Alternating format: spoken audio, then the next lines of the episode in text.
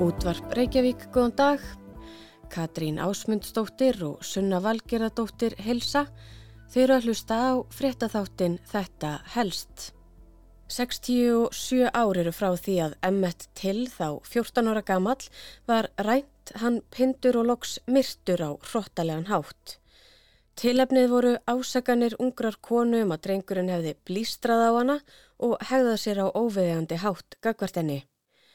Atvikið átti sér stað í Suðuríkjunum á tímum sem innkendust af kynþáttahatri, áfbeldi og misskiptingu. Konan var hvít, árásamennirni líka, drengurinn svartur. Engin var látin sæta refsingu í málinu en nú gæti hugsanlega dreyið til tíðinda. Við vörum við umfyllunaröfninu sem er ekki fyrir viðkvæma.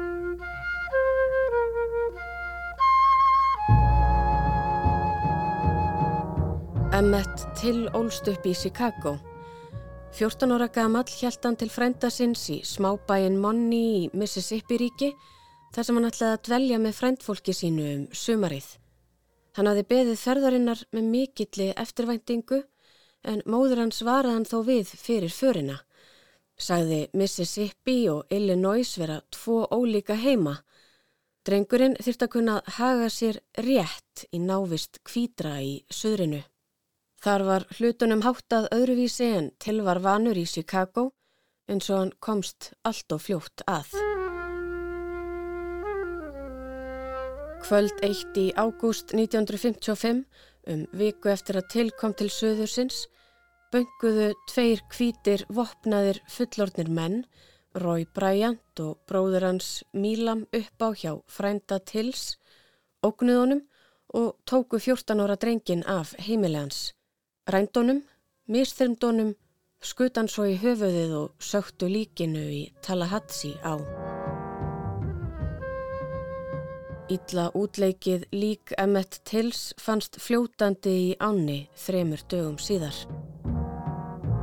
Aðdraganda þessarar tilefnislausu árásar má reykja til ásakana 21 áskamallar eiginkonu annars árásamannsins, Karolin Bryant. Bryant hafði verið einað störfum í verslun þeirra hjóna þegar til á samt frænda sínum og vinum, strákum úr hverfinu, kom að kaupa sér nammi.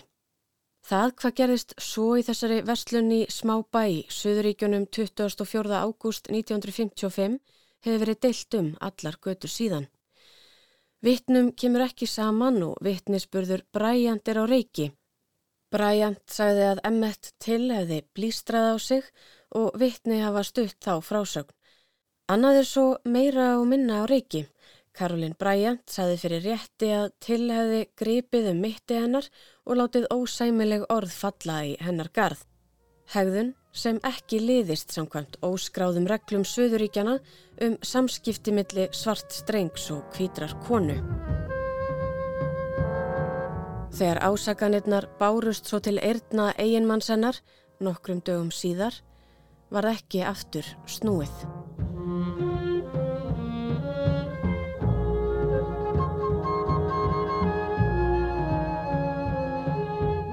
Um mánuði eftir morðið síknaði kviðdómur skipaður engöngu kvítu fólki árásamennina tvo. Samkvæmt bandarískum réttareglum voru þeir þar með lausir allra mála, þyrstu aldrei að gjalda fyrir verknaðin. Með þá vittnesku í farteskinu játuðu mennirnir á sig morðið í tímaritsviðtali um ári síðar, lístu þar hryllilegum verknanum fyrir bladamanni gegn 4.000 dollara greiðslu eða þar sem nefnur um hálfri miljón íslenskara króna í dag. En þótt réttlætið næði ekki fram að ganga í dómsal í máli Emmets til var móðir hans, aktivistinn Mamie Cartan Hill Mobley, staðræðin í að náði fram í einhverri mynd. En svo hún sagði sjálf, hafði hún verka að vinna. Hún vildi að aðrir sæju sásökan sem hún uppliði, vildi að aðrir þyrst að horfast í augu við ílskuna og misréttið, rétt eins og sonur hennar hefði þurft að gera og hróttalega útleikið líkans bar merki um. I saw his eye was out and it was lying about midway the cheek. I looked at this eye and it was gone. Honum hafði ekki verið hlýft og hún ætlaði ekki að hlýfa neinum. I didn't see the ear. Where's the ear? Meimi til ákvaði að láta orði berast, tala við fjölmela og hvern sem vildi heyra um málið. Það var kirstu dreng síns opna eins erfitt og það var og leifa hverjum sem vildi að sjá líkið. Sjá hvað honum var gert, sjá hvers konar grimd liðist án afleðinga. Mr. Rayner, he said, well, do you want me to do something for the face?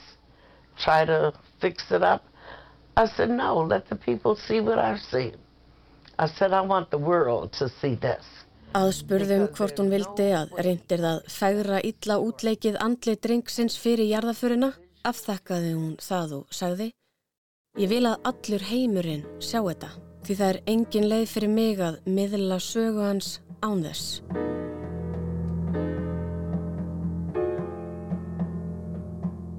En svo áður sagði var engin sakveldur fyrir morðið á M1 til, en í gegnum tíðina hafa þó orðið einhverjar vendingar í málinu.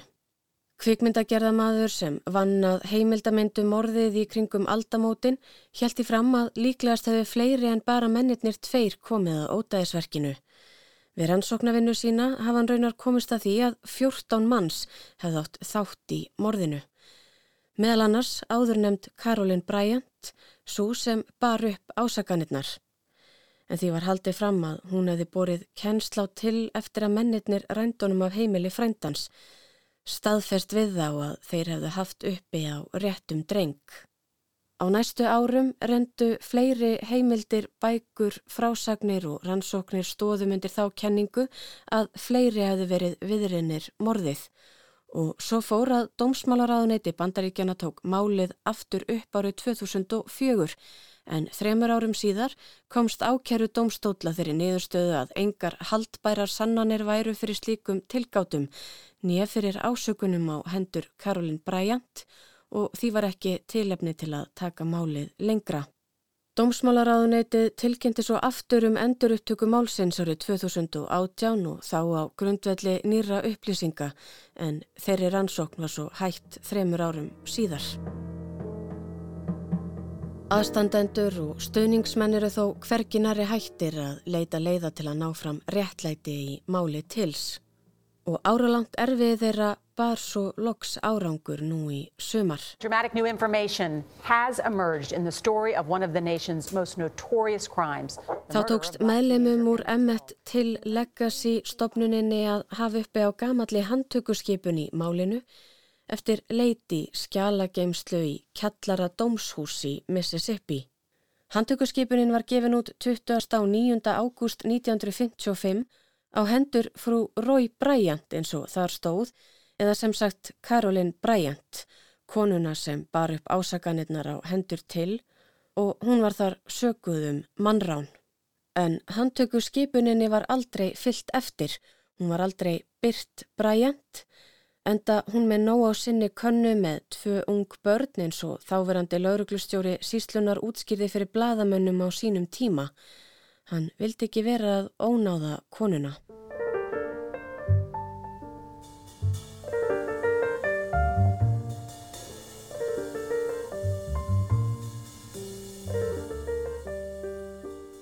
Karolin Bryant hefur ekki viljað tjá sig ofinberlega um handtökuskipunina og hún hefur raunar lítið sagt um málið yfir höfuði gegnum tíðina. Mörgum árum eftir morðið leita hún þó til sagnfræðingsins Timothy Tyson sem hafi skrifað bókum málið og vildi fá að tala, vildi fá að leta á samviskunni eftir öll þessi ár að hans sögn.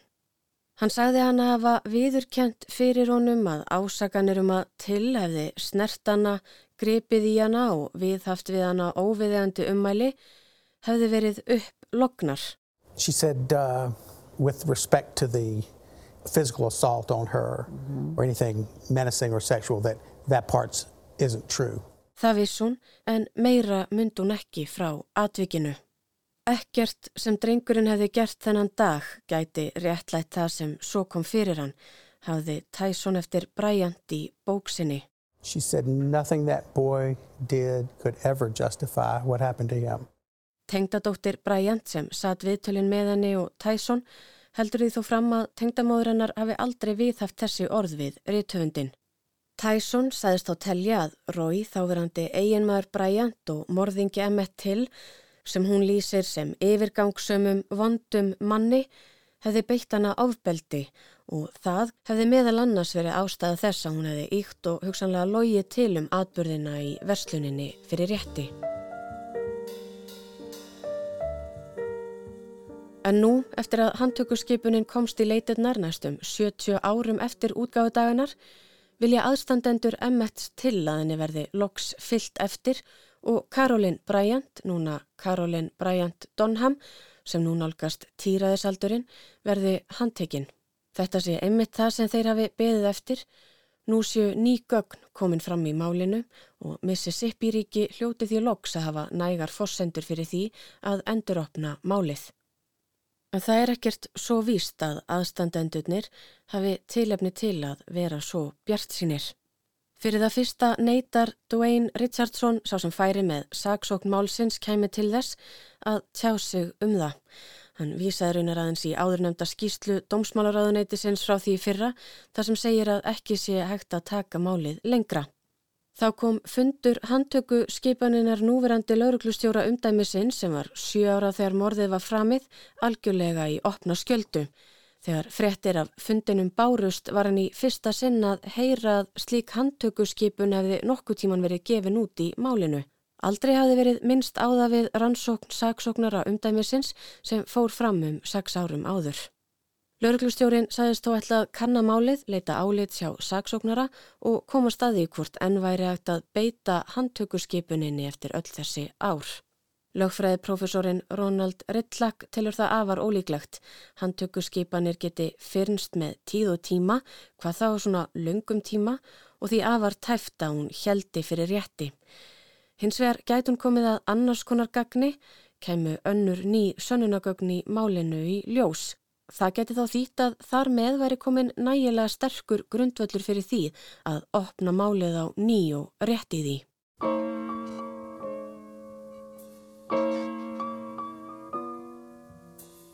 Það er ofsnemt að segja hvort fundurinn verði til þess að hjólinn fari að snúast á nýji máli emmets til. En sem komið er er réttarfarslega staðan óbreytt. Engum hefur verið gert að sæta refsingu vegna morðsins. En margt annað hefur breyst og færst til betri vegar vegna málsinn sem markaði vendi punkt í sögunni, þáttaskil í réttindabildingunni og flegði fram baráttunni gegn kynþáttahatri og mismunun gerði hinn 14 ára gamla Emmett til að baráttu og sameiningatákni sem enn lifir og fyllir enn fólk eldmóði. Bara nú í ár samþekti Joe Biden bandaríkjafósetti ný lög því Emmett til anti-Lindsing Act þar sem hveðir áum að morð án dóms og laga eins og í tilfelli tils séu hatursklæpur samkvæmt allrikislögum. Það er því held ég óætt að segja að móður Emmett til hafi tekist ætlunarverk sitt þrátt fyrir allt og allt og því ber að fagna. She turned her private heartbreak into a public issue that fueled a movement yeah. that toppled segregation. And because she put the picture of this young man's body on the conscience of America, she might have saved thousands of young black men and young black women's lives. Þetta var helst í dag. Við verðum hér aftur á sama tíma á morgun. Þanga til þá veriði sæl.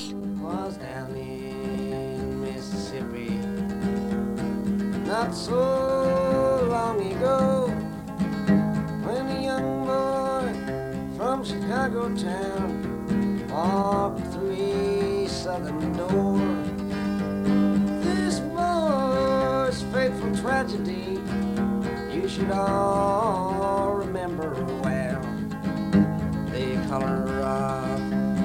his skin was black, and his name was Emmett Till. Some men they dragged him to a barn, and there they beat him up. They said they had a reason, but I just remember what. They tortured him and did some things too evil to repeat. There was screaming sounds inside the barn. There was laughing sounds out on the street. Then they rolled his body down a gulf. He mid-step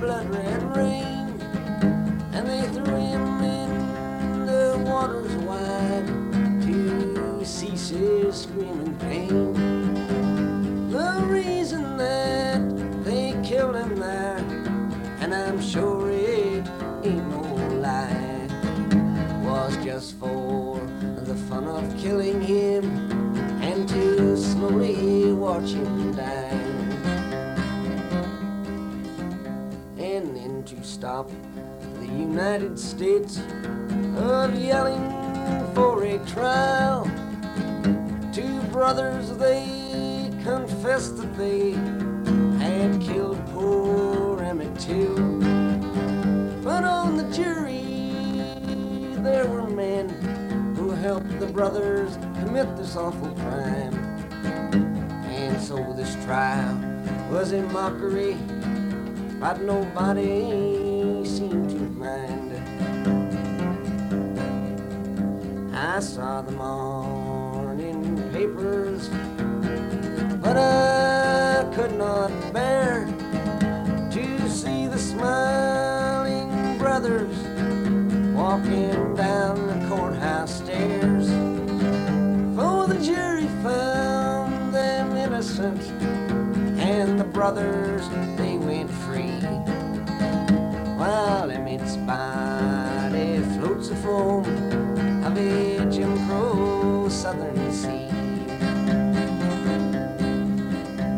you can't speak out against this kind of thing, a crime that's so unjust, your eyes are filled with dead man's dirt, and your mind is filled with dust. Your arms and legs, they must be in shackles and chains, and your blood, it must refuse to flow. For you to let